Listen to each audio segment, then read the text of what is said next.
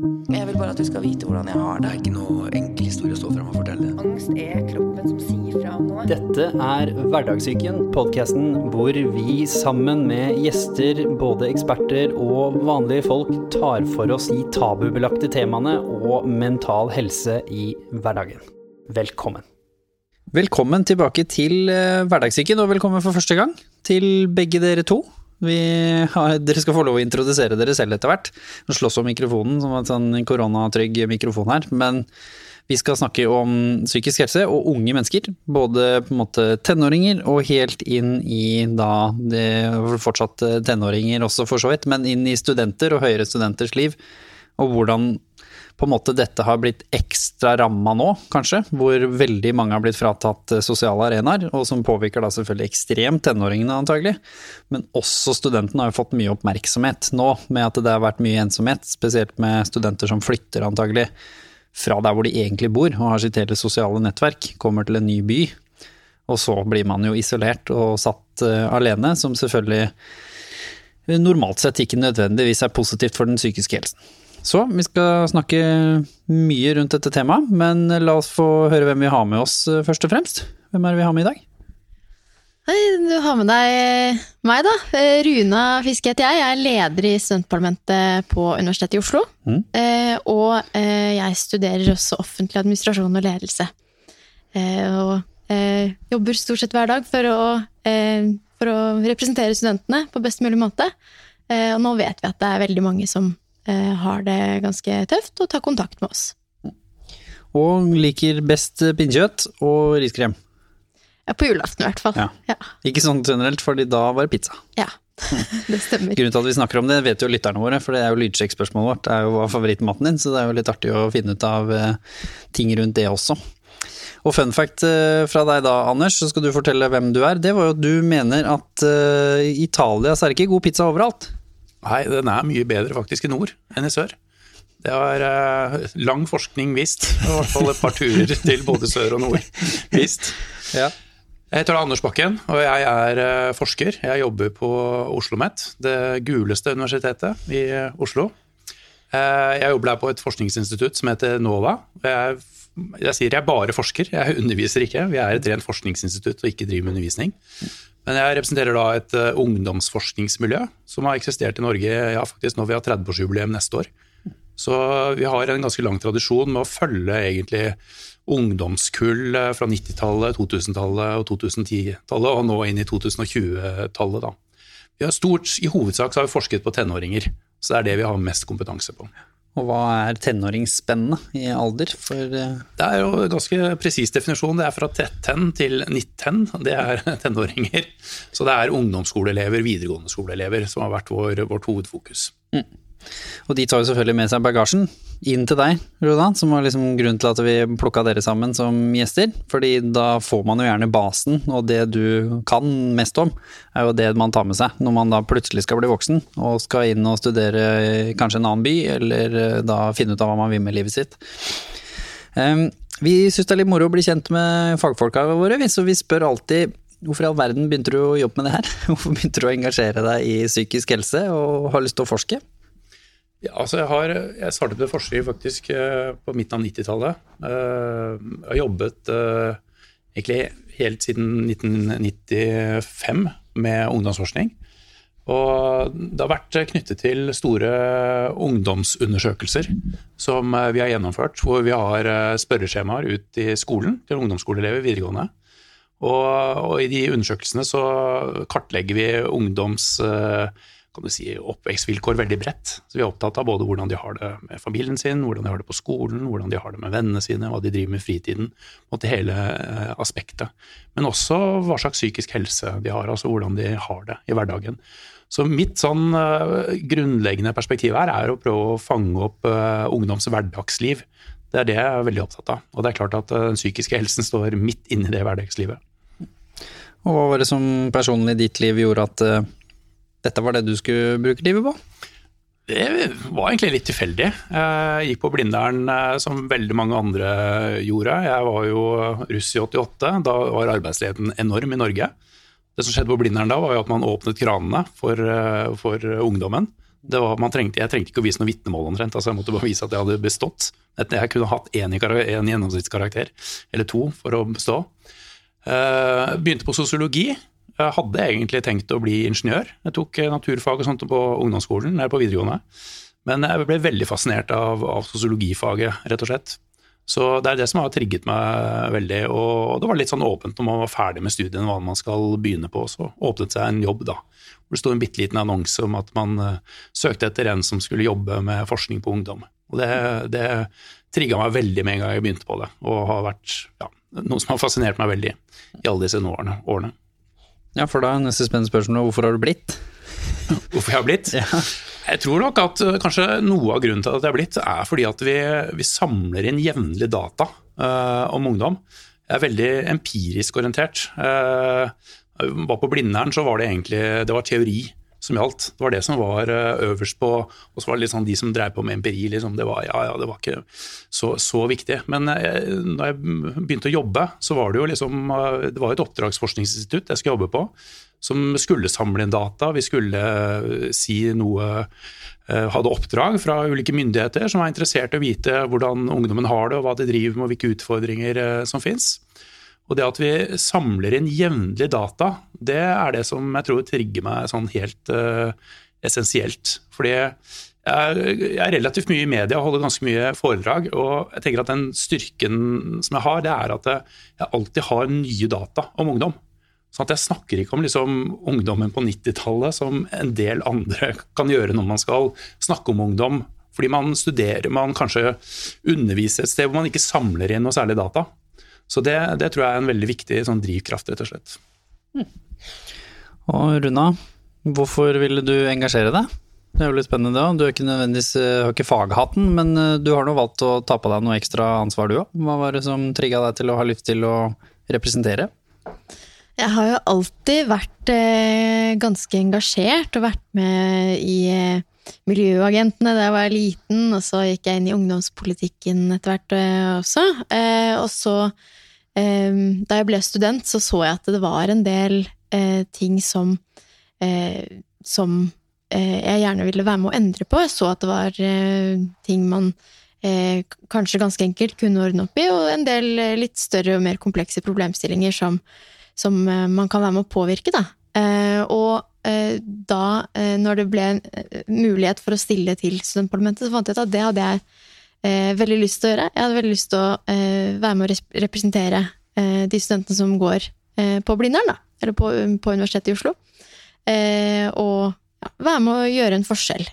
så i fjor så fikk jeg være med på å utforme hele universitetet sin tiårsstrategi, i kraft av det vervet jeg hadde da. Det syns jeg var veldig spennende. Og det har jo da staka ut kursen for hvordan studenter skal ha det i ti år framover. Og det syns jeg er ganske kult å få være med på, og påvirke hvordan folk eh, skal ha det. Spennende. Og da, før vi går inn i å høre din oppfatning av hvordan studenter har det nå, så er jeg veldig nysgjerrig på hva er empirien? Hva er eh, siste status eh, som dere har på hvordan ungdom har det? Hvis vi begynner med det først, og så kan vi se på hvordan har det utvikla seg. Ja, Altså Det siste vi gjorde, det var vi hadde en undersøkelse i uh, månedsskiftet april-mai. Det var akkurat når ungdommene fikk beskjed om at skolene skulle åpne igjen etter å ha vært stengt i seks, sju, åtte, ni uker. Uh, I den perioden så var det jo også fritidsaktiviteter. Var omtrent helt stengt. Det var strenge, enda strengere regler enn det det er nå. Så vi var jo veldig spent på å, å fange opp hva, liksom, hva hva, på en måte, hvordan er det ungdommene opplevde de ukene. For Vår hypotese var jo at ungdommene syntes dette var helt forferdelig. Eh, det var det vi tenkte. At man ikke får se vennene sine og ikke kan være på skolen og ikke kan spille fotball sammen med kompisene sine lenger. Og vi fikk jo en bekreftelse på den hypotesen eh, om at det var ille. Eh, Savnet av venner var det veldig mange som la vekt på. Eh, at at de ikke kunne gjøre de vanlige tingene. Men det som nok kanskje overrasket oss mest, det var hvor mange som også opplevde den tiden veldig positivt. Det var et eller annet som skjedde akkurat de uh, ukene som uh, jeg tror uh, mange opplevde på en måte hvor hverdagen rett og slett ble litt sånn snudd opp ned. også på godt, ikke bare på vondt. For det er klart det var mange som var bekymra. Mange var bekymret, Veldig få som var bekymra selv for å bli smitta, men de var bekymra for at andre skulle bli smitta. Det var mye snakk om død og forferdelighet på den tiden. De var redd for at bestemor skulle dø, ikke sant. Men, eh, men selv så, så var, var, de De var mindre bekymra for seg selv, men de var bekymra for økonomien i familien. Mange foreldre mista jobbene sine. Um, og de var også bekymra generelt for liksom utviklingen videre. Men samtidig så var det et eller annet som skjedde med hverdagen som gjorde den kanskje mindre stressende. Som gjorde at de fikk større grad av fleksibilitet til å kunne velge litt. Det mange la vekt på, var at de fikk mer søvn. Og det var mange som knytta det til psykisk helse. At plutselig så er det liksom jeg føler meg mer uthvilt. Det gjør at jeg får bedre psykisk helse.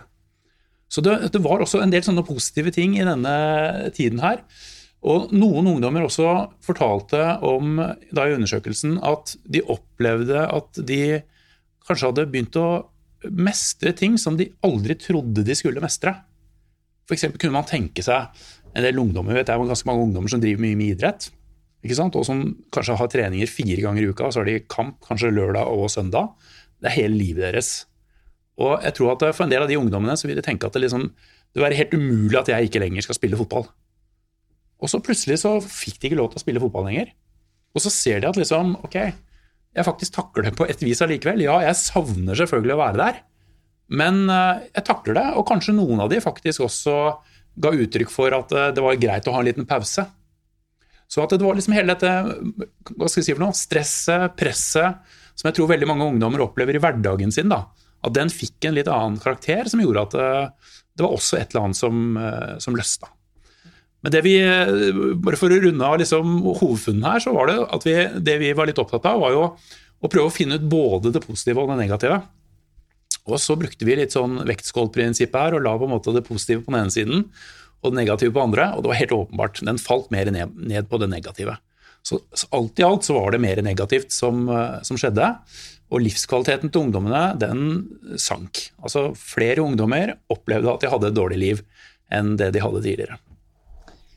Og før korona, da? Hvordan var trenden da, de siste ti årene, eller hva nå en tidsspenn du mener er relevant å, å, se på her? Før korona. Korona er jo selvfølgelig det mest altså, inngripende som har skjedd i, i, norsk historie siden andre verdenskrig. Så det er klart at den, den vil jo dominere, det, det, skjønner vi jo alle. Men hvordan var da tilstanden til ungdommen før det traff? Altså, det ene jeg vil si er at det, det er veldig vanskelig å sammenligne over tid hvordan ting er, eller hvordan ting var. Det er lett å liksom for eh, foreldre og besteforeldre å ta på seg litt sånn romantiske bilder av hvordan de hadde det før, og alt er så ille nå. Ikke sant? Eh, men det som er i hvert fall mitt hovedinntrykk, det er at det, stort sett i løpet av de siste tre tiårene som jeg har fulgt ungdom, så har det vært ganske ålreit å være ungdom i Norge. Det, de aller fleste ungdommene har det bra. De gir uttrykk for at eh, det er bra å vokse opp i Norge. De er fornøyd med foreldrene sine. De er fornøyd med skolen i hovedsak. De er, aller fleste har venner å være sammen med. Så De aller fleste lever ganske gode liv. Og det er ganske høyt aktivitetsnivå i den forstand at det er ikke sånn at ungdommen blir sittende på rommet sitt ikke har noe å gjøre. Altså, det har mange ting å gjøre. Det er masse aktiviteter og tilbud for ungdom. Så Det er liksom det ene bildet her.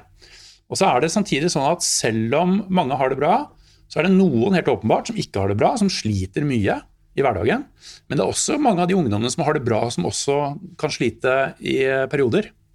Og Det er vel sikkert ting vi har kjent på alle sammen, at vi kan våkne opp om morgenen og grue oss skikkelig mye til et eller annet som skal skje klokka ti. Og så når det er ferdig klokka elleve, så går det ut med en kjempedeilig følelse av at liksom, ok, nå har jeg kommet over en kneik, liksom.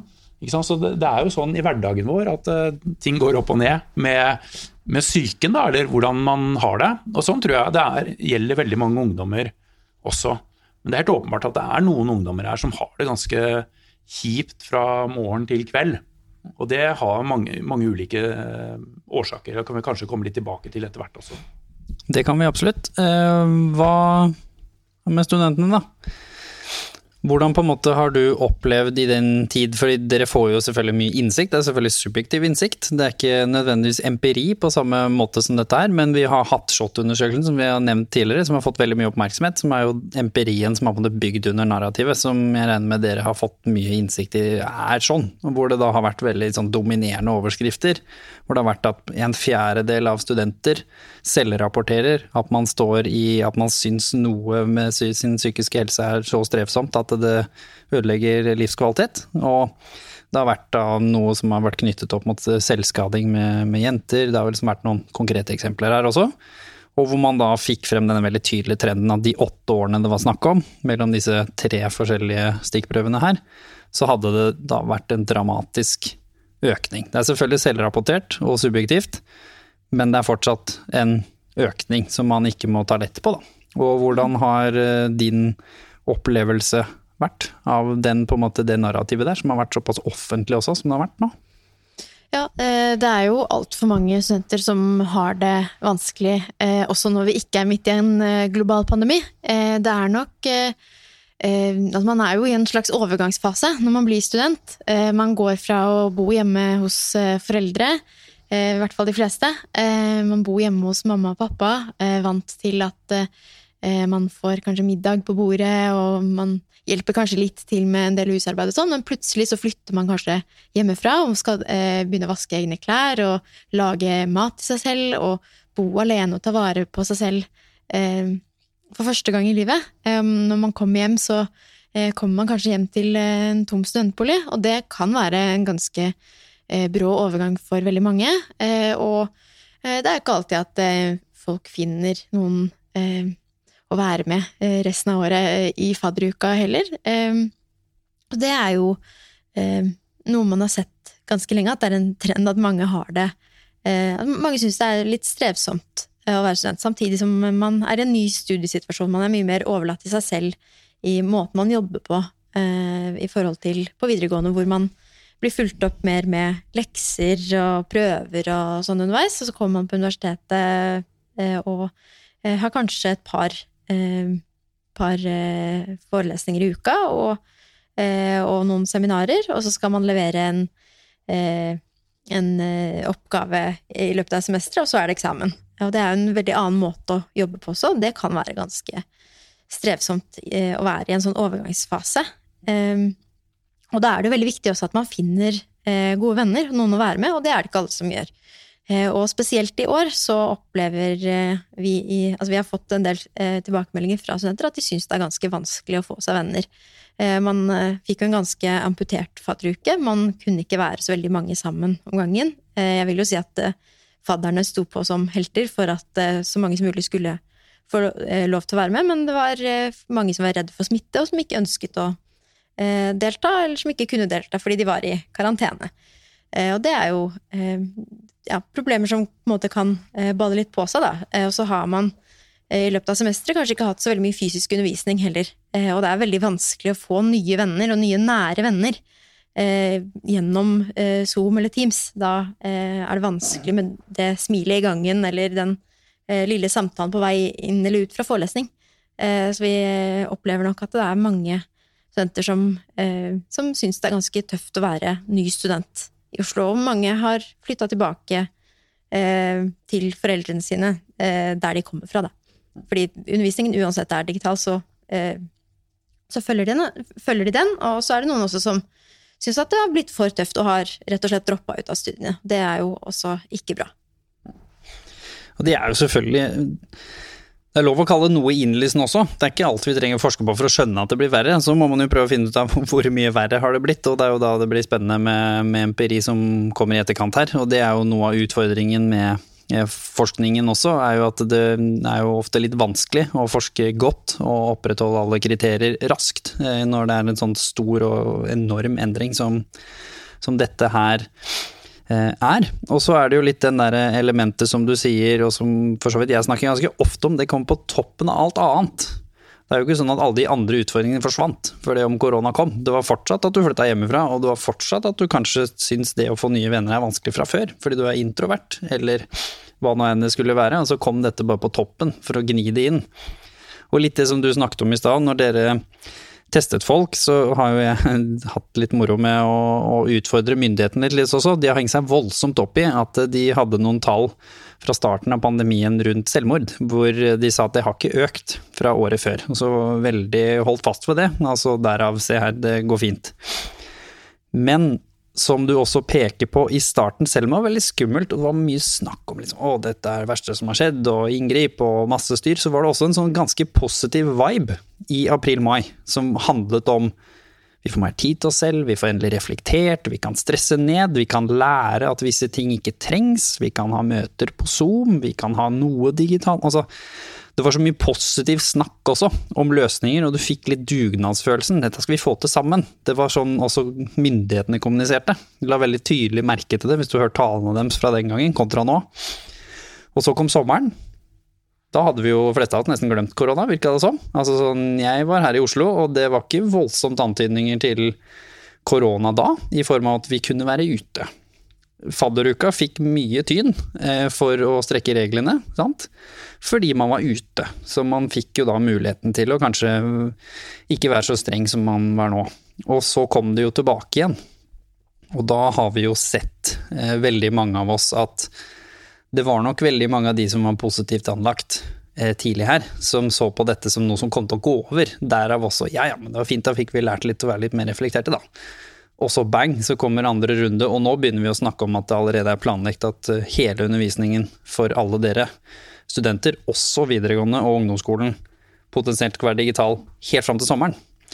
Og da var det ikke så moro lenger, plutselig, for ganske mange. Og da begynte det å bli litt mer sånne tanker om, og subjektive tilbakemeldinger, men sådan så mange fra både da i vårt tilfelle KPMG, DNB, myndighetene, Helsesista rapporterer det samme, noen av forskertallene viser det fra skoler, studentforening Og så begynte det å bli så mye her at vi skjønner jo at dette potensielt er ikke en god oppskrift for at det skal gå bra, sånn egentlig, hvis ikke man da gjør noe med saken. Og da er det jo litt sånn spennende Hva er det som er viktig med forskningen? Hvordan bruker dere den for å hjelpe folk til å si ok, her har du noe tall som du kan bygge noe på? Noen tiltak? Fordi det er klart det er jo fantastisk å ha noe i bånn her. Fordi det er jo fryktelig mye vi kan gjøre, men det er jo ikke alt som funker. Og det er ikke nødvendigvis alt som er så lurt heller. Så det å ha gode tall i bånn for å bygge noe oppå så Hvordan har dere på NOVA vært linka inn mot det, da, og passe på at eh, de rapportene og de tingene dere deler ut Jeg regner jo med dere gjør det jo først og fremst for å både dele tingenes tilstand, men også hvordan kan vi gjøre noe med de utfordringene dere finner, da, som dere peker på. Så hvordan er det dere jobber med det i forskning? Det er jo litt sånn spennende å vite sånn generelt. Altså Det miljøet som jeg representerer, vi har ikke jobbet så veldig mye med tiltak. Vi har vært mye mer opptatt av å gi gode tilstandsbeskrivelser. Så er det nok andre som har jobbet mer med tiltak. Men eh, jeg tror at eh, det er noe av det som eh, Runa sier her som jeg tror er uhyre viktig. Det handler om relasjoner. Det tror jeg det, det som er det grunnleggende her. Og, og, det som gjør også at jeg tror situasjonen er mye verre for studenter enn det er for ungdomsskoleelever og videregående skoleelever, som du sier, som fortsatt bor hjemme og som har de relasjonene fortsatt eh, rundt seg. Mange av eh, elevene på ungdomsskolen og videregående har jo også flere relasjoner på en måte rundt seg nå, fordi det er veldig mange av foreldrene som har hjemmekontor. Det er ikke alle som har det, men det er mange som har hjemmekontor. Og Sånn sett så har de på en måte tilgang til personer selv om de er hjemme under rødt nivå og skolen er stengt og de skal ha hjemmeskole. Men jeg tror det er eh, det man er nødt til å, å bygge rett og slett tiltak rundt. Og så er det selvfølgelig er det, sånn det kjernen av problemet her er jo at uh, relasjoner er jo det motsatte av sosial distanse. ikke sant? Og så er det sosial distanse som er det viktigste virkemidlet for å hindre smittespredning. Så det er klart det er, det er, uh, det er utfordringen her. En del kan jo løses på Teams og Zoom, men jeg tror det er helt riktig det du sier også, det er noen grenser der. Man får nok ikke sin bestevenn på på Teams og Zoom i en gruppe med 15-20-25 andre. Det kan man få når man treffer 15-20-25 andre på et eh, auditorium og henger litt med de før og etter man går inn, og det er en tur på puben eller hva man gjør for å, for å være sosial. Men det er, tror jeg det som er helt kjernen her. Altså det er å bygge på, på relasjoner. Og da vil det også være noen relasjoner som kan erstatte disse andre relasjonene. Det er jo noen sånne type chattetjenester for de som ikke kan klare å snakke med andre på andre måter. Det tror jeg det har jeg ganske stor tro på. At det, det å ha et godt tilbud på det, det tror jeg er viktig. For det, jeg tror at det aller viktigste, det er, det er å ha én å snakke med.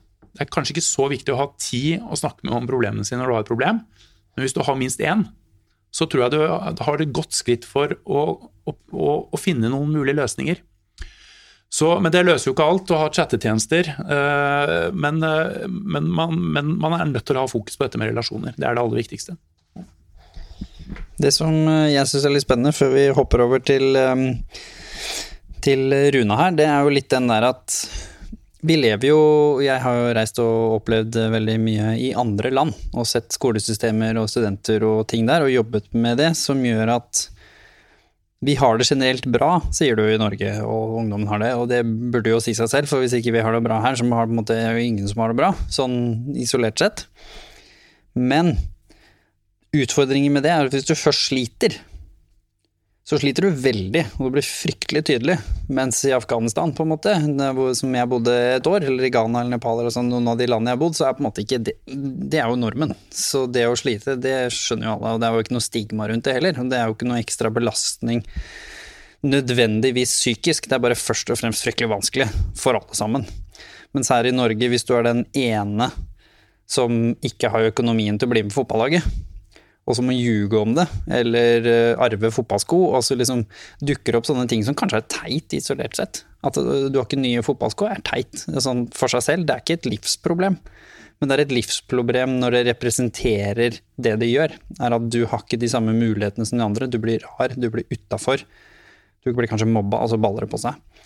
Uh, hvordan ser dere det i tallene? At de som sliter, kanskje sliter veldig? På en måte. At det nesten blir et litt sånn gap der. At ja, normen har det fint, men de som først sliter, de er ikke bare rett under de som har det fint. De er kanskje ganske langt ned, da. Ja, det du snakket om nå er jo, handler jo dels om sånn relativ fattigdom, da. Ikke sant. Men når jeg sier at det er ganske bra å vokse opp i Norge, så handler det ikke bare om økonomi og om at vi har relativt små forskjeller i Norge, da, sammenlignet med en del andre land som man man har vært i. Eh, men det handler jo også mye om eh, at eh, det er ganske god tillit i det norske samfunnet. Og det, det, er også sånne momenter som kommer inn. altså Relasjoner. Man kan si Det er veldig vanskelig å sammenligne mellom land veldig mange ting. At En del av de landene som har mye fattigdom, de har kanskje andre former for samværsformer mer eh, kanskje festivaler eller kulturting som på en måte samler folk på en helt annen måte. Så det, det er litt komplisert å, å, å sammenligne. Uh, vi har gjort noen studier hvor vi har sett f.eks. Uh, at uh, over tid så har vi for sett at ungdomskriminaliteten har gått veldig mye kraftig ned. Og så har vi stilt liksom spørsmålet er det sånn at de få som er kriminelle i en situasjon hvor ungdomskriminaliteten er lav, er det, er det liksom, har de det på en måte verre enn eh, de eh, relativt flere da, som eh, var kriminelle når ungdomskriminaliteten var høyere. Det er ofte sånn, finner vi ikke sånn veldig tydelige signaler som går i den retningen. De har det på en måte ille nesten uansett. Så, så det, det, kan være litt utfordrende, men jeg, jeg, ser poenget ditt om at er du den ene i klassen som ikke har råd til et eller annet, så er det helt klart at det er veldig, veldig problematisk. Men vi ser også at folk tar jo fattigdomsproblemer på veldig ulike, ulike måter. Det er ikke alle som tar det med skam og stigma og sånne ting. Og det har også en del med hvordan omgivelsene forholder seg til dette. Det kan være at det er en mor i den klassen som ser et eller annet, og som stikker noen småting til, og, og som på en måte hindrer at det skal bli utenforskap ut av det. da. Og er, Vi har jo et samfunn som er egentlig bygget opp sånn at vi ikke bare har en enemoren, men vi har på en måte en velferdsstat da, som, eh, som, som er den som stikker til en del ting. Så jeg, jeg, tror uten den så hadde nok de problemene vært mye, mye større.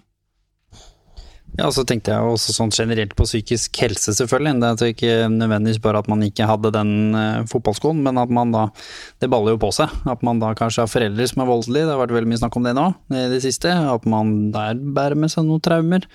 At man da selvfølgelig plutselig sliter psykisk. Man, episoden vi hadde før denne handlet om vinterdepresjon. At du kanskje har en eller annen form for lidelse eller tilstand som gjør at du ikke kan prestere på samme nivå som de andre. Dysleksi. Altså, vi har jo nesten snakket om alt her nå eh, i hverdagssyken de siste par åra.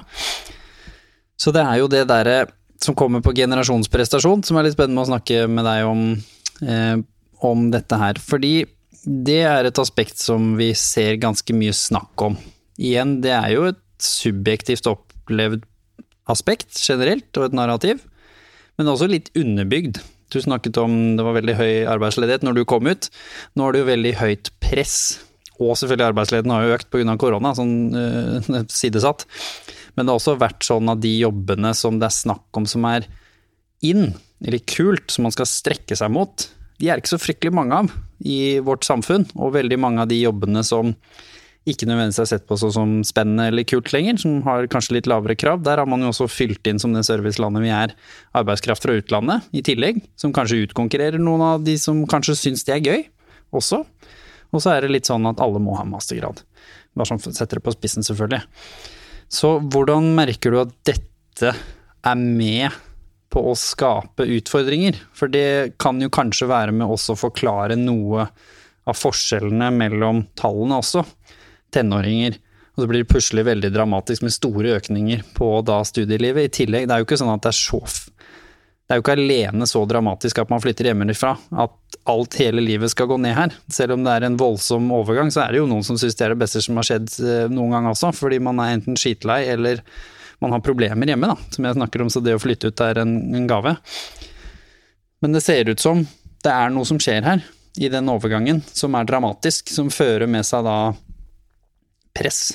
Skaper kanskje viss økning i, i, både depresjoner og da selvfølgelig også angstform for lidelser, men ikke nødvendigvis diagnoser, men da selvopplevde tilstander som virker som er fryktelig forstyrrende, og som ødelegger livskvalitet og til og med får folk til å slutte, som du sier. Om her. Ja, jeg tror nok at det eh, kan være Eh, en del press. Det er jo noe med det at eh, man er ferdig på videregående, skal begynne å studere, skal begynne å studere det man selv har valgt å studere, altså et nytt felt som man har lyst Man har på en måte bestemt hva man skal jobbe med, og, eller hvilket felt man vil gå inn, gå inn i, da.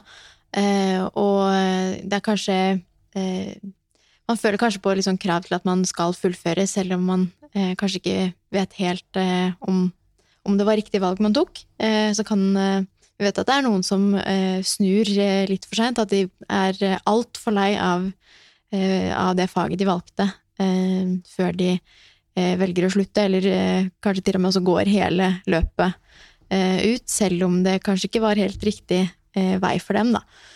Og det kan nok Altså for noen så kan det nok være et ganske høyt press rundt det, og så er det jo litt press at man skal gjøre det bra fordi man har eh, fått velge helt selv hva det var man ville gå. Eh, det tror jeg nok en del eh, kjenner på. Eh, og så eh, litt tilbake til, til, det du sa i stad, om økonomi og sånn. Der, tror jeg også at veldig mange studenter sliter ekstra mye akkurat nå. Veldig mange studenter jobber jo i altså deltid i tjenestesektoren. og de jobbene er jo permittert nå, eller borte. Eh, så vi får eh, henvendelser eh, i hvert fall ukentlig, om ikke oftere, fra studenter som lurer på hva skal jeg gjøre, hvor skal jeg få nok mat? Og det er også noe som bidrar til at, til at studenter drar tilbake til foreldrene sine hvis de kan det. Og for de som ikke har den muligheten, så er de rådville, rett og slett. Og det, det tror jeg bidrar også til en del bekymringer som man kanskje ikke hadde trengt å ha, da. Det, det merker vi veldig godt at mange sliter med nå for tiden, rett og slett økonomiske eh, bekymringer. Eh, vi har fått eh, høre historier om studenter som har gått ned i vekt eh, fordi de ikke har nok mat. Eh, og vi har fått høre om noen som ikke har på varmen hjemme fordi de er redd for at strøm, strømregninga skal bli for høy, så det, det, er jo bekymringer som mange har nå, og som, ja, som kanskje ikke er så lett å vite hvordan man skal løse. Eh, og det bidrar jo kanskje ytterligere til at man har det ganske kjipt.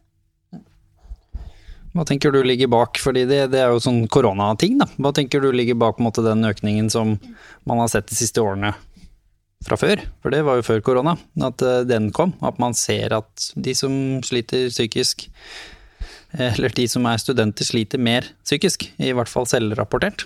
Så hva er det du tenker ligger bak her, i tillegg til den store overgangen, nå som du har kjent litt på studielivet? Hvilke liksom utfordringer er det flest snakker om, som er der, i tillegg til overgangen? Eh, det er nok eh, Altså, den overgangen er nok noe av det viktigste. Og så er det det eh, altså at noen har utfordringer med å finne et miljø som passer dem. Altså, jeg vil jo anbefale alle som begynner å studere, å bli med i en studentforening. Det er samme hva det er. Altså, det fins studentforeninger som driver med rumpeldunk. Man kan gjøre hva som helst omtrent, men det å bli med i en forening, det tror jeg er veldig lurt å gjøre. det å finne seg et miljø. Og så er det nok eh, litt det med økonomi også. Altså, heltidsstudentene i Norge er Det er vanskelig å leve eh, på 8000 kroner i måneden, og hvis 6000 av de eh, går til husleie, så har du ikke veldig mye igjen i utgangspunktet. Det er nødvendig å ha en jobb ved siden av, så jeg tror en del studenter har hatt økonomiske bekymringer fra før også. Ehm, og ja, det har jo egentlig gått sport i å leve på studentbudsjett. Eh, det fins bøker om hvordan man skal leve på eh, minimalt med penger. Eh, og Instagram-brukere som hjelper folk med liksom å finne ut hvordan man kan leve billigst mulig. Da. Og jeg tror nok at den, de, de, økonomiske bekymringene var der fra før, og så har de blitt veldig mye mer alvorlige nå fordi man ikke har den muligheten til å spe på, spe på det selv. Og ja, gjøre noe med sin egen situasjon, da. Eh, så jeg tror nok at eh, det er både den overgangen, og også det når man blir eh, vant til studielivet, så er det jo det at man er i en slags mellomfase i livet også. Man er på en måte mellom, mellom det å bo hjemme da, hos foreldrene sine og før man etablerer seg. Så man er i en veldig sånn mellomfase som kanskje er litt vanskelig å finne sin egen plass i også, da. Så har man jo hørt ting som f.eks. også handler om forbruksgjeld. Nå har jo dette blitt offentlig informasjon her en stund, eh, hvor det har jo dukket opp at den er jo enorm eh, i Norge, og har jo hatt en voldsom økning, hvor da mange unge og studenter har rett og slett blitt eh, vist at de tyr dit, så kanskje det livet de levde var nok ikke et liv som egentlig gikk i null fra før. Det var et liv som bygde på seg i tillegg til studiegjelden, at man fikk liksom flere hundre tusen opp mot til og med noen som har vært opp mot en million i på en måte forbruksgjeld, som er jo en utrolig problematisk gjeld å håndtere sånn generelt. Den har jo en tendens til å nesten bli større eh, og ikke bli mindre, dessverre. Og i hvert fall da.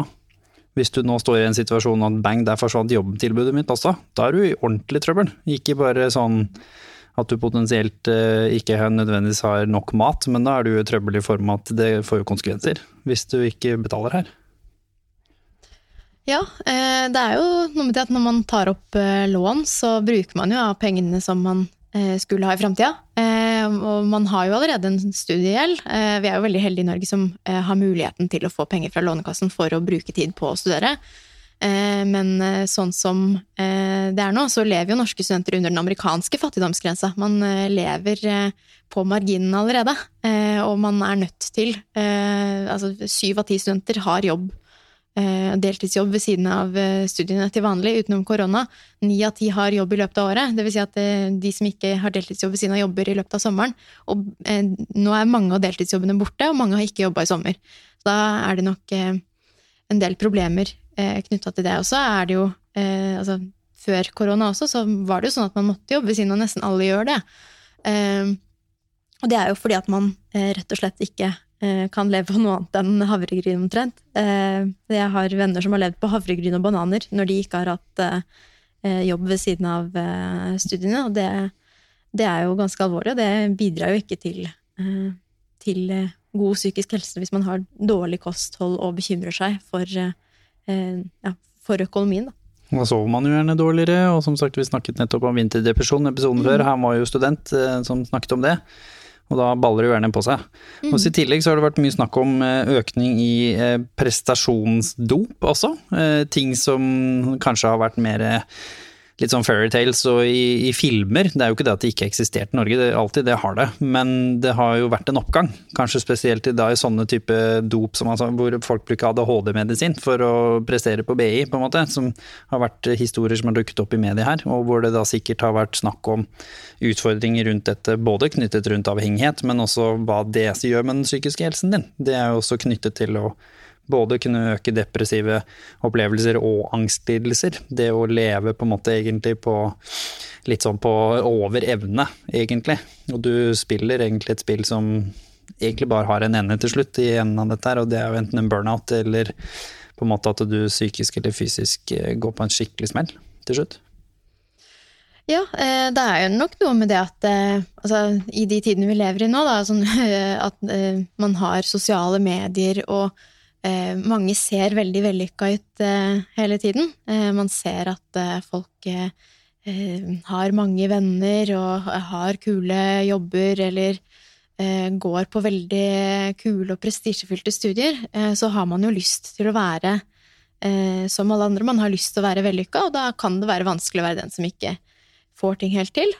og noen tyr jo da til hva skal man kalle det, ekstreme eh, metoder, da, eh, og tar rett og slett eh, dop, og det er jo ikke bra. Eh, og det eh, ja, det bør man jo ikke gjøre, men eh, noen gjør det, og det har nok noe med at det er så utrolig viktig i samfunnet i dag å ha en fin fasade, og hvis man på en måte ikke har den fine fasaden, fasaden så skal man ha en sånn big reveal. Eh, at eh, nå skal jeg snakke om hvordan jeg egentlig har det. Altså, det nesten litt sånn å komme ut av skapet eh, og liksom snakke om hvordan ting egentlig er og sånn. Det holder ikke at man bare er åpen om at sånn er ikke jeg.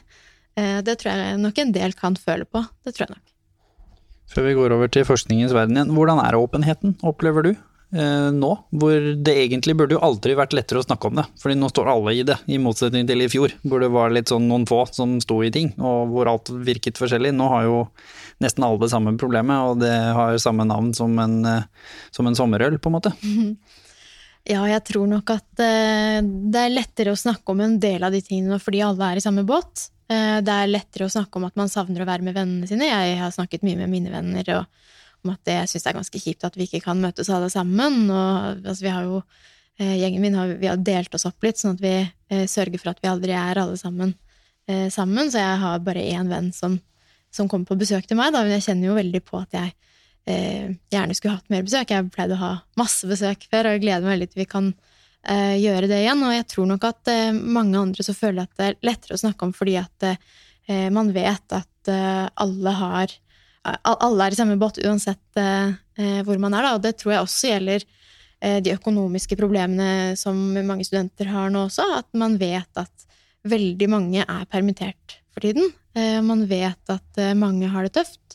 Så altså, det er kanskje derfor også mange kommer til oss som er tillitsvalgte for studentene også, og sier at nå har vi det skikkelig tøft, kan dere være så snill å prøve å få gjort noe? Og det Eh, mye større pågang enn det har vært noensinne før, og det tror jeg også er fordi at det er, eh, det er både det at eh, mange har det ganske mye verre og lever helt på marginen nå, men også det at man vet at det gjelder så mange flere enn dem også, at det faktisk er kanskje noe man kan ta tak i, da. Hvordan forsker man på sosiale medier? Er jo nytt av de siste tolv-ish årene, men de siste ti årene er vel da det først virkelig har hatt en voldsomt preg på livet vårt. I starten så var det jo mer et uh, litt sånn testprosjekt der. Uh, og prestasjonspresset. Hvordan forsker man på det inn mot tenåring? Og, og, har dere sett dette? Uh, hvordan dette har påvirket spesielt psykiske helsen? da? Hvordan det Har det gått opp, har det gått ned? Er det noen som Har dere åpne spørsmål hvor dette dukker opp? Ehm, vi har eh, forsket noe på det. Vi har I alle undersøkelsene som vi har eh, de siste årene, da, så spør vi om hvor mye tid ungdom bruker på sosiale medier. Og vi ser jo at det har økt ganske kraftig. Ehm, og så ser vi at eh, de som bruker aller mest tid, der er det en høyere forekomst av psykiske helseplager. Men det er, liksom, det er bare den si for noe, kanskje 10-15% gruppa som bruker veldig, veldig mye tid der er det, der er det mye høyere psykiske helseplager enn enn de andre. Eller så henger det ikke så veldig mye sammen. Og det kan være at eh, den gruppa som bruker så mye tid på, på sosiale medier, eh, kanskje ikke er så veldig sosial på andre måter. At det kan henge litt sammen med det. Jeg har veldig tro på det at, eh, at eh, det å leve et eh, liv hvor du lever ganske variert, da. Jeg har litt tro på det. Det er litt sånn gylne middelvei-tankegang. Men jeg har veldig tro på det at, at Jeg er i hvert fall veldig negativ til de som liksom er sånn entydig sier at sosiale medier er et onde. Altså, driver du litt med sosiale medier, driver litt med gaming, driver litt med trening, driver litt med aktiviteter sammen med foreldrene dine, altså har et variert liv. Jeg tror det er de ungdommene som kommer best ut sånn psykisk helsemessig også. Eh, men vi, vi, har hatt en del også intervjuer. Vi forsker ikke bare gjennom sånne store kartleggingsundersøkelser, men vi også intervjuer ungdom. Og vi hadde et prosjekt for et par år siden som, eh, hvor vi prøvde å grave, grave, litt dypere i dette med stress og press og, og, og generasjon prestasjonsproblematikken. Da. Og da var det jo veldig tydelig at det som ungdom opplevde mest press på, det var, rundt, det var skole. Det handlet om skole. Og så kom eh, kropp på nummer to, og så kom sosiale medier et litt lengre stykke ned. Eh, når vi koblet liksom disse temaene til press, så var det sånn at når det gjaldt skole, så hadde alle eh, kobla ganske negativt til skole. Altså At skole og press det var en sånn negativ greie. For det handla veldig mye om at de hadde mye prøver, og det var mye å forberede seg på, og lærerne kommuniserte ikke ordentlig sammen, så plutselig hadde de to prøver på én dag, og alle disse tingene. Når, når, det kom til kropp, så var man litt mer, sånn, litt mer, delt. Det var en del som var negativt, men det var mange som også sa at det var positivt. At det var litt sånn press. Jeg liker å sminke meg og liker å se bra ut. Ikke sant? Det var en sånn positiv greie rundt det. Men også mange som opplevde at det var negativt. Men når det kom til sosiale medier, så var det mye mer eh, utelukkende på det positive. At det, det var ting som skapte et mer sånn uh, frirom i hverdagen. Men da er det igjen kanskje den der som jeg var tilbake på, altså for disse 10-15% som kanskje bruker mer enn seks timer hver dag på sosiale medier, så er det ikke et frirom lenger. Da er det nesten en slags tvang, ikke sant? Altså at du ikke har noen alternativer. Så det tror jeg er veldig viktig å skille da, mellom de gruppene som hadde nærmest er tvunget til det, og de som opplever det som et uh, frirom. For som et frirom så var det mange som koblet det til til positiv psykisk helse. Altså det ga på en måte Det var noe som var bra, de ble happy av det. Det var eh, gode følelser rundt det. da. Men det er også sånn som du sier, at uh, sosiale medier gir også Det å bruke det mye får man også et inntrykk av hvordan de andre har det. ikke sant? Og det er, jo, det er jo veldig lett å komme ganske fornøyd hjem fra skolen fordi det er et eller annet du har opplevd, og så plutselig så ser du at uh, det er noen andre som har opplevd noe som er enda bedre var kjempefornøyd med den fireren du fikk på, på, matteprøven, men så fikk du vite at alle andre fikk fem. ikke sant? Det er noe med den der relative biten der som eh, jeg tror også påvirker oss sånn selvbildemessig, da. Er det noen forskjell på ungdomsskolen og videregående, som dere ser, når dere ser på disse tingene? Nei, jeg tror, er, jeg tror, det er, mye av de samme problemstillingene. Men uh, man ser jo at, uh, at dette øker gjennom ungdomstrinnet, bruken av sosiale medier. Så det er jo noen som bruker det også på barneskolen, altså sånn fra 10-, 11- og 12-årsalderen. Men det øker mer på, på ungdomsskolen. Uh, så tror jeg det flater litt mer ut på videregående. Men jeg tror det er mye av de samme problemstillingene som gjelder på ungdomsskolen og videregående. Jo, og jeg har jo leka mye med sosiale medier, og har jo hatt en litt sånn artig ting som vi har snakket om, som er vel en ting som er litt sånn skjult igjen. Altså hvis man har 1000 følgere, venner, kall det hva du vil, bare for at man bruker et rundt tall. Og så har man jo sett gjennom noe forskning som altså sier at man har 50 dager i året, normale mennesker, som er delbare. Positivt sett. Bursdagen din, det er ferien din, det er den sekseren eller femmeren eller fireren eller et eller annet du er fornøyd med. Og når du da ganger det opp med hverandre og deler det på 365, så finner man jo da selvfølgelig 136,9, som er da de 315 andre dagene hvor du ikke har en delbar dag, og har da en OK til medium pluss til en dårlig dag, som alle andre mennesker. Så blir du da eksponert for 136,9 av vennene dine sin gode dag, hvis dette hadde vært jevnt fordelt, selvfølgelig.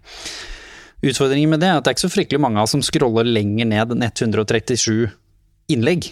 Så det vil jo si at vi blir hele tiden eksponert for de 50 dagene til alle andre. Og hjernen vår er jo ikke i stand til å se at det var Anders i går, og var Runa i morgen, og det var Martin i dag. Så jeg ser jo bare at alle andre har det bra, men det har ikke jeg. Og så får jeg da en sånn subjektiv oppfatning som er jo sterkt knyttet til teorien rundt generasjonsprestasjon, om at alle tror at alle andre får det til bedre enn meg, uansett hvor bra du får det til. Så sekserelevene og A i snitt-elevene kjenner på like mye press som de som ligger på B-grensa eller C-grensa eller D-grensa, eller som holder på å stryke. Fordi alle sammen går med det samme subjektive oppfattelsen om at de får ikke til like bra som alle andre, hva nå enn alle andre er.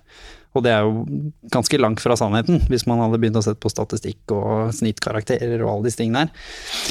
Og i tillegg så er skolesystemet som student satt opp hvor at det er bare en viss prosent som kan få A.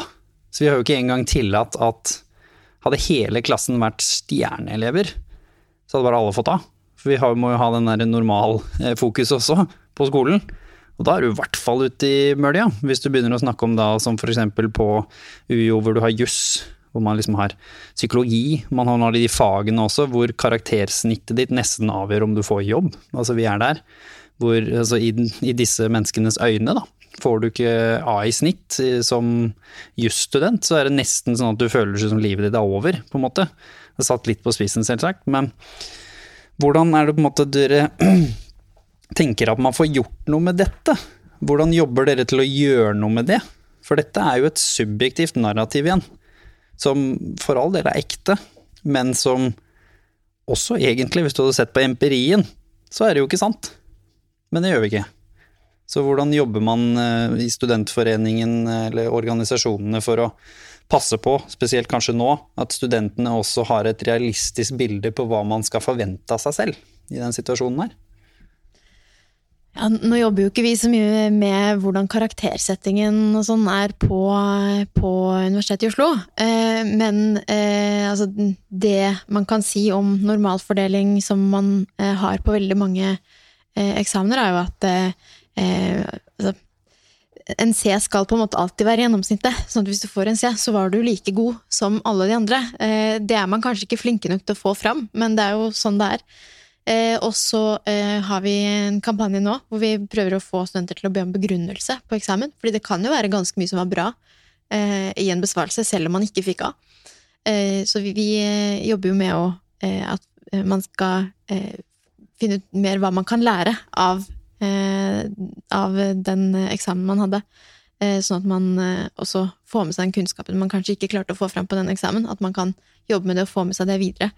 Eh, og så har du nok eh, Det er nok rett at man eh, nok føler et mer press på profesjonsstudier som juss og psykologi og medisin og, og sånn, og der, der, er det nok mange som bruker vanvittig mye tid også på studiene. Man har jo undersøkelser som viser at de som går medisin og odontologi, som skal bli tannleger, og og de som går juss, bruker eh, opp mot 40 eh, timer, kanskje mer, i uka på å studere.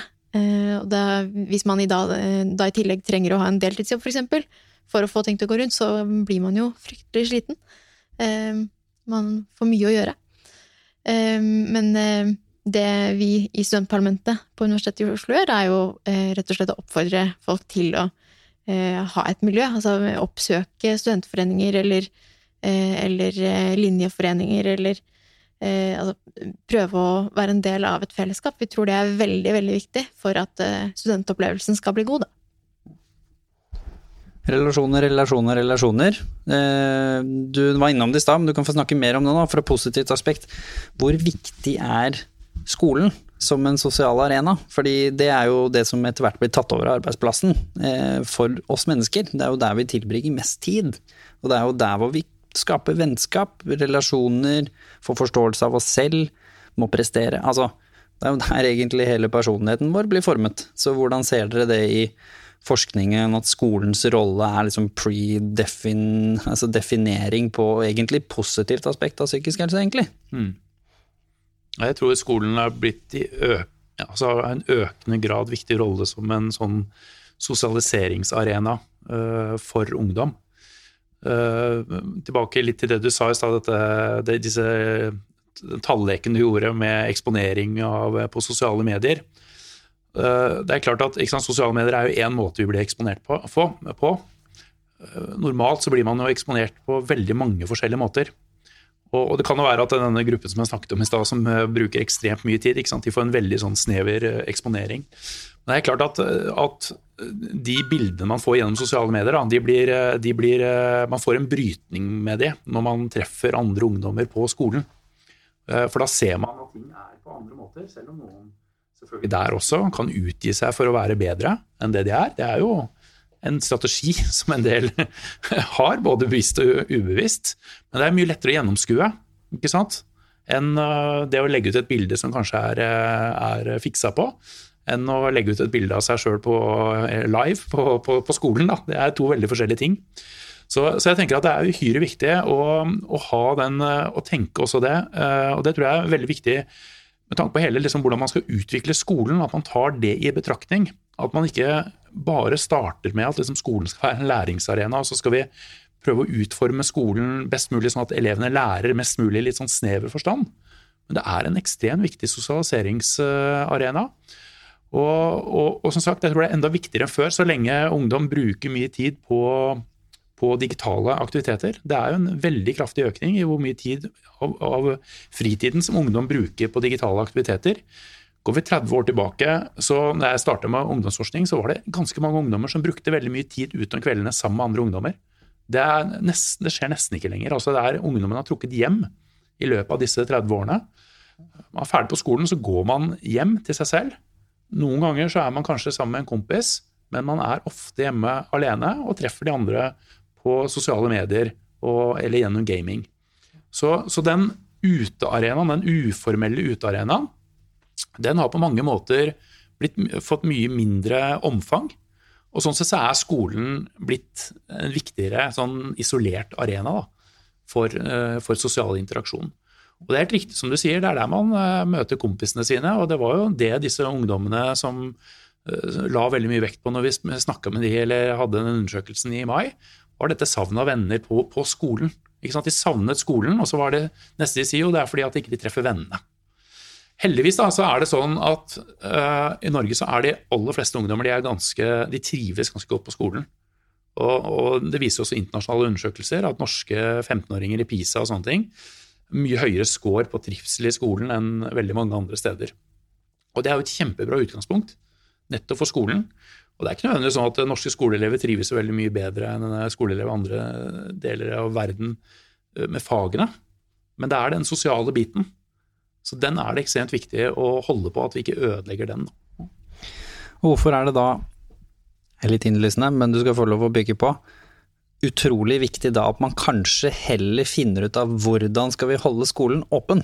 Og heller finner ut av hvordan man kan løse den floka, fordi hvis du tar det fra dem i to måneder, det er ingen som tar skade av, sånn long term, så sant det ikke er et veldig special case, men når vi nå begynner å snakke om potensielt et år, da kan du ta ganske graverende skade av det, som også kan vedvare lenge etter at man tilfeldigvis åpner igjen. Hvis du f.eks. da sluttet på studiet, eller rett og slett eh, har mista vennene dine, eller til og med utvikler diagnoser, hvor vi mm. liksom snakker om angst og depresjon som det ikke skal så fryktelig mye til før man kan utvikle i en sånn her sosialt distansert eh, tilstand. Da. Mm. Nei, jeg ble invitert til statsministeren her forrige uke sammen med helseministeren og barne- og familieministeren eh, for å snakke om psykisk helse blant eh, barn og unge nå i koronatiden. Og eh, Et av mine budskap var jo at gjør alt hva dere kan for å holde skolene åpne. Det er ekstremt viktig. Slipper man å se en del av de tingene du nevnte i stad. Det handler jo om at man ikke får være sammen med de andre. Og det er rett og slett uhyre viktig. Heldigvis så er det jo sånn at skolen ikke er helt nedstengt nå, da. Bortsett fra akkurat noen skoler som har liksom kjempesmitteutbrudd og det blir stengt i 14 dager. Det kan være greit. Men det å ha en sånn overall i Norge og stenge skolene, det vil jeg fraråde på det absolutt sterkeste. Det er ekstremt viktig. Så skjønner jeg at det er utfordringer for lærerne. Det er de som har klagd mest på den situasjonen. ikke sant? At man ikke har helt eh, tenkt så veldig godt på lærerne i dette her. Og det er mange lærere som er veldig bekymra. Mange lærere er i er i risikosonen også ikke sant? For, å, for, for smitte.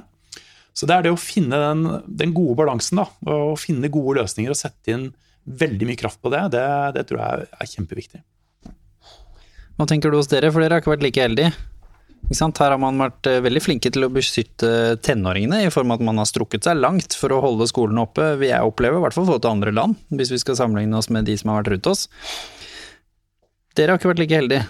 Der har det vært eh, ganske hard nedstemning, og veldig mange vil jo hevde at den ulykkesgenerasjonen som mista både russetiden og eh, selvfølgelig da fadderuka, de stiller ganske dårligere stilt sosialt sett long term også. Nå er det jo heldigvis ikke alle som var så uheldige, men nå har dere, begynner det å bli liksom snart et år da, siden man har vært på skolen under en normalsetting. Noen var innom i noen uker der før det spant ned igjen, i hvert fall her i Oslo og i Bergen også, hvor det har gått ganske hardt for seg. Ja, det er jo eh, mange som, eh, ja, som er førsteårsstudenter, og som ikke har fått eh, ta del i sånn vanlig sosialisering, som man ofte er med på i starten av Eh, av studietida. Altså, bare meg selv som eksempel. Jeg begynte å studere for eh, ja, det er vel fire år siden nå. Eh, og da var det jo ikke bare fadderuka som var veldig viktig, men vi hadde felles lunsjer som ble arrangert av studentene som var ett år eldre, og vi var på hytteturer for å bli godt kjent, som var arrangert av, av programutvalget på studiet mitt. Da. Og det, alle sånne ting er jo borte nå. Nå sitter man man sitter eh, hjemme digitalt, man gjør alt. Eh, alt hjemme. Altså man kan ikke dra på treningssenteret, for det er stengt. Eh, man har forelesning hjemme, man trener hjemme, man Og jobben er også stengt. Det er også ja, litt viktig å ta med. Det er jo en sosial går, arena, det òg. Den har jo tatt fra deg det nå? Ja, man er jo ikke nødvendigvis ute i løpet av en hel dag. Altså den eneste man kanskje møter, er kassadama på butikken, og mange steder så byper man jo varene selv. Eh, sånn at eh, altså, studenter kan gå eh, i lange tider uten å møte et eneste menneske. Og det kan være fryktelig slitsomt. Og det vet vi at det er mange studenter som føler på. Og det er jo utrolig leit at, at det er sånn. Jeg tror nok at det har vært en del enklere for litt eldre studenter, fordi man allerede har en del venner som man har fått på den måten ved at man snakker sammen Eh, litt i en forelesning, og så blir man bedre kjent, og så spiser man lunsj, eh, lunsj med noen man studerer med, og så blir man venner. Eh, men den biten der er jo borte. For, altså for, spesielt de som har begynt på et nytt studium, eller som kommer rett fra videregående, hvor man ikke har den sosiale biten fra før. Fordi det er jo enkelt for meg å ha kontakt med mine venner som jeg allerede kjenner, og sende dem en melding eller ringe eller snakke sammen på Zoom. Eh, men hvis man ikke kjenner noen fra før, så er terskelen for å eh, sende en melding og spørre 'hei, eh, hva gjør du?' eller 'hei, hvordan går det?' Den blir jo så utrolig mye høyere hvis man ikke har møttes før, rent fysisk. Hvordan løser vi dette her, da? Fordi en ting er å si vi skal åpne skolen, det er litt for enkelt svar, på en måte. Og en annen ting er at vi må kvitte oss med korona, men det tror jeg vi alle er enige om. Så det kommer heller ikke til å skje over natta, så hvordan skal man da gjøre det beste ut av det, rett og slett. Så langt, hvis man er student, eh, ut ifra de tingene dere har testet og fått feedback på at det har fungert. For dere har jo sikkert fått masse positiv feedback også på ting som har funka. Ja, eh, det vi eh, var ganske tidlig ute med å fortelle til rektoratet på Universitetet i Oslo, det var å si at dere må ha Altså så lenge det er lov, så må dere ha åpent Eh, de store, altså, eh, åpne de store arealene, sånn at man kan møtes innendørs. Fordi med en gang det blir kaldt ute, så eh, trekker man inn. Eh, og da vil vi at folk skal eh, holde avstand. Det er mye lurere at studenter møtes eh, i en smittetrygg kafeteria med smittevernregler, heller enn at man trekker inn i trange studentboliger. Så vi har vært veldig tydelige på at det er viktig at de store arealene, hvor man kan sitte og diskutere med medstudenter faglig, eller ta en Eh, avslappende lunsj, at det er veldig viktig at de arealene eh, er der. Eh, det er noe av det viktigste vi har jobba med den høsten her. Og så er det nok en del andre ting som nok ligger høyere oppe i systemet, som regjeringa må løse, som har med økonomi og de som lever sånn helt på grensa nå og har brukt opp sparepengene sine. De trenger nok ja, hjelp fra Lånekassen. Det har jo ikke kommet en krisepakke til studenter denne høsten her, og man har fått signaler om at det ikke kommer i løpet av dette året. Eh, så eh, jeg håper jo at eh, alle som skal hjem til jul, kommer seg hjem til jul, at de har råd til det. Eller at de får penger av foreldre til å gjøre det. For det er jo altså det kjipeste med et sånt semester som det her, er jo hvis man må avslutte. Det må sitte alene og feire jul eh, på, på en studentbolig uten, uten å ha eh, familien i nærheten, da. Eh, vi, eh, men eh, det med å ha arealer hvor man kan møtes, eh, hvor det er trygt å møtes, da. Man er jo aldri helt trygg for smitte, men vi vil jo veldig gjerne at man skal ha muligheten til å møtes, i hvert fall litt. Og ja, bli kjent med noen. Det tror vi er det aller viktigste. Personlige tips og tanker, da. Hvordan skal man klare det i disse dager? Å bli kjent med noen? Kanskje som du sier, da, hvis du aldri egentlig kanskje har blitt venn med noen fysisk. Hvilke alternativer ser du der ute, og hører om eller har hørt om? Jeg vil gjenta det jeg sa i stad. Altså, ta kontakt med en studentforening. Hvis du liker å spille sjakk eller eh, er veldig glad i eh, eh, å se på film eller eh, har lyst til å spille rumpelunk eh, altså, Det fins så utrolig mange studentforeninger i Oslo, sikkert eh, altså, flere hundre, med så utrolig mange eh, forskjellige interesser man kan eh, fordype seg i. Man kan være med å skrive studentavis, man kan eh, være med å lage podkast eller eh, studentradio eller eh, eh, i filmforeninger eller hva altså, Det er så utrolig mye man kan gjøre. så jeg vil anbefale alle som sitter alene på en studenttibel og som har lyst til å få seg et miljø, og bli med i en studentforening. Jeg tror det er en veldig enkel måte å det, er jo en terskel, antageligvis, eh, hvis man ikke har vært borti det før, men det er en eh, enkel måte å bli kjent med nye mennesker. fordi eh, altså, I en sånn sammenheng så vet jo folk at man eh, kanskje er ny, da, eh, og vil eh, spørre mer og prøve å dra deg med. og det gjør jo kanskje terskelen mye lavere enn å sende en melding til noen man ser navnet til på en liste. det er jo kanskje ikke eh, noe man gjør. Men hvis man er med i en forening, så er det kanskje enklere å bli dratt med eh, på aktiviteter. Og eh, det er jo enklere å bli kjent med folk når man er med å gjøre et eller annet.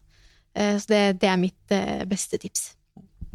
Så du får tenke litt eh, Anders, på hva dine personlige tips er, hvis du har noen. Og så skal jeg tenke litt Jeg syns det er litt fint å utfordre det perspektivet som du sa med å faktisk tørre å gjøre det. da, Sende den meldingen fordi kanskje man var innom fadderuka. Ok, du ble ikke bestevenn eller supergodt kjent med noen, men kanskje det var en du hadde en spennende samtale om, og du rakk akkurat å høre at de også har favorittfilmen var Star Wars, eller at de også spilte på en måte fotball, eller at de var superinteressert i empiri og hadde lyst til å bli forsker. altså at man fant noe holdepunkt, og at man da tør, fordi du vet at alle står i det samme.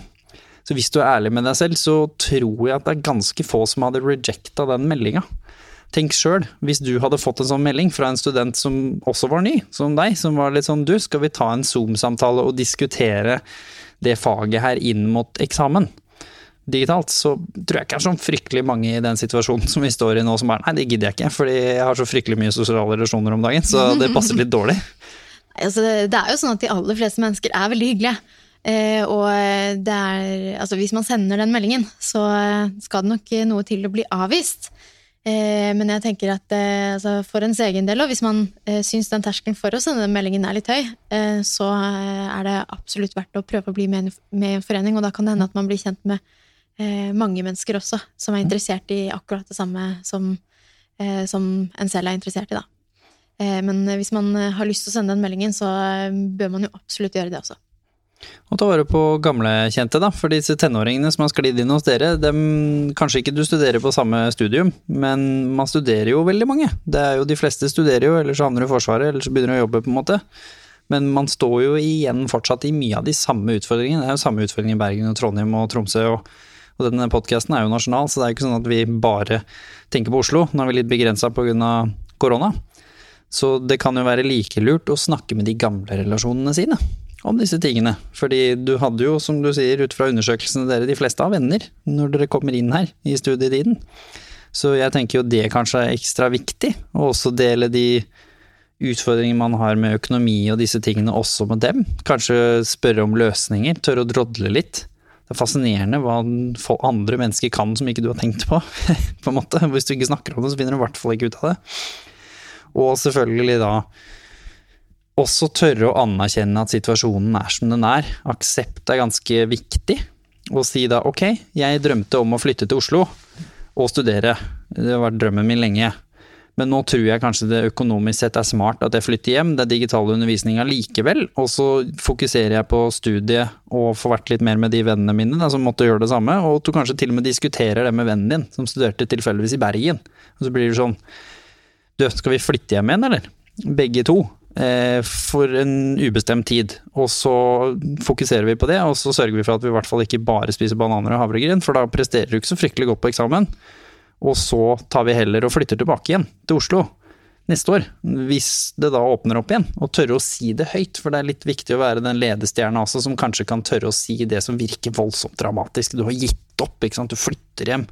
Det høres jo fryktelig vanskelig ut i, da i en generasjonprestasjon, men sånn generelt. Så jeg tenker det er fint å tørre å snakke om de tingene, da. For du, du må jo ikke flytte hjem bare fordi du snakker om det. Det er ikke sånn endelig, det skjer ikke noe da. Adressen blir ikke kasta ut. Takk for den nøkkelen, bare fordi du sier at du, kanskje, hva om vi hadde flytta hjem? Hva skjer da? Flytte tilbake igjen neste år. Og korona er nå her fortsatt, så vi må jo på en måte forholde oss til den, da. Litt sånn eh, ja, fra deg personlig, hva tenker du man kan gjøre? Eh, fordi du har jo opplevd korona du òg, selv om ikke du er ung, så jeg regner med du har noen refleksjoner rundt eh, hvordan man kan kanskje ta vare på først og fremst disse relasjonene, da, som er så fryktelig viktige her. Altså det jeg tror er ganske viktig, det er eh, jeg tror det er ganske mange som opplever at uh, hverdagen går litt sånn uh, i ett. Uh, liksom før så hadde man jo Det var den du skulle treffe kompisene på puben på torsdagen. Du skulle gjøre et eller annet på søndag. Ok, Det skjedde ikke noe på fredag og lørdag, men du hadde noe på torsdag og, og søndag. Og da betyr det at du, du har noe liksom å se fram til. da. Og det, det, tror jeg kanskje er noe av det som er litt sånn utfordrende. Uh, I hvert fall merker det med meg selv også. Jeg har jo stort sett hatt hjemmekontor. Har vært veldig lite ute. Uh, setter veldig pris på den turen ned her. Ta trikken. Jeg har nesten ikke tatt trikken siden uh, mars. Bare gå rundt i gatene, så er det veldig trist å se at liksom, Narvesen-kiosken er stengt. Liksom. Det er jo klokka sju. Veldig merkelig. Men, men de der tingene har noe å glede seg til. da. Og, og, der tror jeg at uh, vi som foreldre Jeg er også tenåringsforelder, uh, så jeg studerer ungdommen også hjemme, sånn sett. Men jeg tror at vi som foreldre har uh, en veldig viktig rolle å spille. Og det er for det første å være seg bevisst på at selv om tenåringene er kommet i tenåringsfasen, og det er en fase hvor ungdommene skal finne seg sjøl og finne selvstendighet og være kanskje litt uenige med foreldrene, eller i hvert fall liksom finne sin vei, da, så spiller vi fortsatt en utrolig viktig rolle i ungdommenes liv. Og det, jeg tror det viktigste som vi spiller rolle, det er å se ungdommene. Uh, og være der uh, for ungdommene. Og så tror jeg det at i denne tiden her så kan vi kanskje også gjøre ting for ungdommene. Og så prøve å finne på litt artige ting, da. Uh, sånn at ikke hverdagen bare går i helt den der 24, 24, 24, 24. Men at det er et eller annet vi kan glede oss til på lørdag, så skal vi finne på et eller annet som vi kanskje aldri har gjort før. Det kan være ganske mange forskjellige ting man kan gjøre. Man kan gjøre ting hjemme, eller man kan gjøre ting ute i gata si, eller man kan gå en tur i skogen og finne, ta med seg noe ved og lage et bål og gjøre et eller annet. Altså Det er mange ting man kan gjøre. Men det å være litt sånn kreativ rundt det, da. Og så involvere ungdommene og høre hva er det ungdommene vil. Det tror jeg også er ganske viktig. Så, og det er ikke alltid at de vil. Det er ikke alltid det er så lett å finne ut hva de vil. Eh, men prøve å pushe de litt, da på noe som kan være litt artig. Særlig tenker jeg det er viktig nå i jula. Nå har det jo åpna for hvert fall at man kan være flere enn eh, akkurat nærmeste familien to ganger i jula. da, Så man kan jo ha litt juleselskaper. Men det, det tror jeg er uhyre viktig, å, å, få til det, og at, det, at, man, at, man, får gjennomført det på en bra måte. da. Så det er noe av det man har å se fram til. Men så er det liksom Hva skjer etter jul, hvis dette varer? Da bare krysser jeg virkelig fingrene for at man kan åpne for fritidsaktiviteten igjen. At man kan fortsette å spille håndball og volleyball og spille fotball, spille kamper. Gjøre alle de tingene. Det er, er uhyre viktig, i tillegg til det med skolen. Ja, for Hvor viktig er det i forskningen og det dere ser, for ungdommen? Nei, det, er, det er veldig viktig. Det, er, det går på den relasjoner igjen. Det er jo ikke bare det at du liksom, det er ikke å spille fotball, det er ikke bare å ta en fot borti en ball og prøve å score. Men det er jo å være en del av et lag og være et del av et større miljø oppleve ting sammen. Og det er, jeg tror det er mye av det som det handler om det når ungdommen sier at de savner vennene sine. Da. Det er jo å oppleve ting eh, sammen. Og så tror jeg Høie satt fingeren virkelig på, på spissen, liksom. Han, eller, han eh, sa noe veldig riktig i denne talen sin som han hadde til ungdommen. At det er noe med liksom, det er bare én gang i livet du er, har sommeren som 15-åring. Det er bare én gang i livet du skal være russ. Det er bare én gang i livet du er førsteårsstudent på, på, på høyere utdanning. Og, og, det er klart at når de tingene forsvinner, det kommer aldri tilbake igjen. Men, men det er liksom det å, å, å, gjøre noe ut av det, gjøre noe som man kan huske. Eh, ta kontakt med andre, finne på ting sammen med andre, selv om man kanskje ikke kan være direkte fysisk sammen, det, det må være den store oppfordringen framover. Det er bare bitte litt på slutten her, for det er litt spennende. Forhold til foreldre oppi dette her. Fordi det er jo et litt aspekt. Hvordan tenker du man ville håndtert det? Fordi du har jo flytta ut, nå skal du bli voksen, ikke sant. Det er jo litt den der stigmaen og terskelen her òg. Nå skal du i hvert fall ikke ha noe med det å gjøre, og det er et lite nederlag kanskje igjen å flytte hjem, da. Hvordan skal man kanskje bruke foreldrene sine også som en en god på en måte person eller personer å spille ball med, og også kanskje tørre å spørre. Jeg husker første gang jeg måtte spørre om å låne penger når jeg hadde flytta hjemmefra, fordi jeg fikk kyssesyken. Og da balla det på seg sånn at jeg ikke fikk jobba så mye som jeg hadde planlagt. Sant? Jeg også måtte jobbe for å få endene til å gå rundt. Det satt langt inne, altså. Å spørre, for det var et nederlag. Men selvfølgelig, når jeg spurte, selv om de på ingen måte hadde noe mye økonomiske midler, så bisto de litt med det, og så bisto de til å gi meg noen tips til hvordan jeg skulle spare penger. Bytte strømleverandør, for det hadde jo ikke jeg tenkt på. Visste jo ikke jeg hadde fantes engang. Kanskje slutte med kanaldigital, det var kanskje ikke så viktig, ikke sant. Altså sånne ting som man kanskje ikke har tenkt på når man var yngre. Hvordan tenker du det er viktig å involvere foreldrene sine da, i den tøffe tiden som dere studenter står i nå? Jeg vet jo i hvert fall for min egen del at det har vært veldig viktig altså Jeg har et veldig godt forhold til mine foreldre, og vet at jeg kan eh, snakke med dem om eh, hva det nå enn skulle være. Jeg husker en gang eh, for et par år siden det var litt knapt med penger, og det hadde gått hull på alle buksene mine. Da måtte jeg spørre foreldrene mine om penger til å kjøpe meg nye bukser. Eh, og det fikk jeg jo eh, selvfølgelig. Eh, de hadde muligheten til å gi meg de pengene, og jeg tror også at altså, hvis foreldre har muligheten til å hjelpe til, det er jo ikke alle som har så veldig god råd, men de som har det, tror jeg gjerne gjør det, og gjerne vil eh, hjelpe eh, barna sine.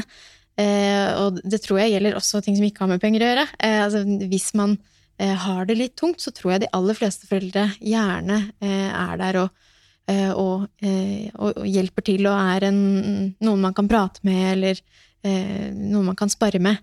Eh, og så er det jo ikke alle som har et eh, godt forhold til foreldrene sine. Noen har, har hatt det vanskelig i oppveksten og har ikke den muligheten, selvfølgelig.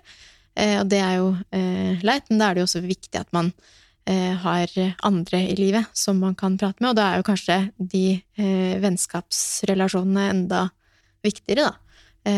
og det gjør jo kanskje at det er ekstra viktig i de tidene vi er i nå, å kanskje spørre en ekstra gang til vennene sine hvordan har du det egentlig, eh, og er det noe jeg kan gjøre eh, for at du skal ha det bedre?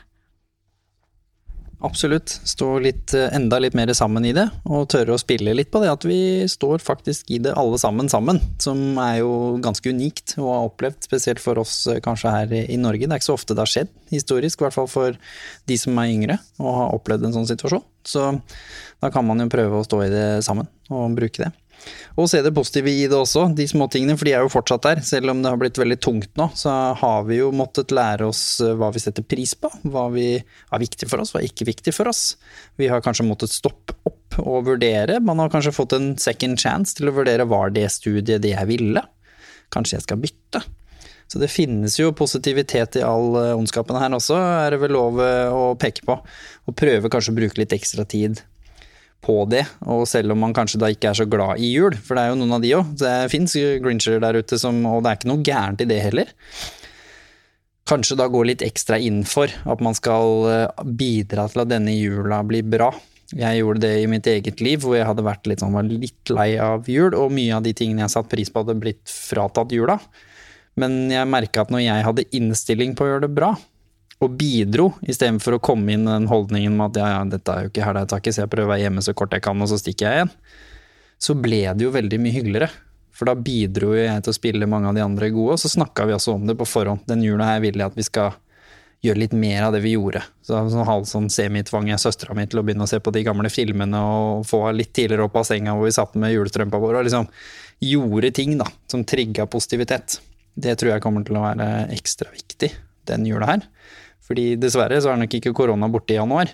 Og så får vi jo da håpe at eh, det går så fort som mulig, holdt jeg på å si. Tilbake til i hvert fall eh, at de sosiale arenaer og fritidsaktiviteter og disse tingene er på plass, for det trengs. Så hvis eh, du hører på Bent tilfeldigvis, så hadde vi satt pris på om du la litt ekstra energi i å få det til. Så får man heller få det til begrensa, for det er et veldig mye bedre alternativ enn stenge ned, altså. For long term, i hvert fall. Tusen hjertelig takk for at dere var med oss. Eh, tusen takk til dere som hører på. Fortsett å sende inn forslag til hva vi skal snakke om, hvem vi skal ha med, og ikke minst del det. Fordi hvis dere er med og deler det, så kan det hende dere gjør den ene viktige handlingen i dag, som får da noen andre til å få denne innsikten, kunnskapen, mulighetene, refleksjonene til å ta med inn i sitt eget liv. Ha en fin dag, uansett korona eller ei. Takk for oss.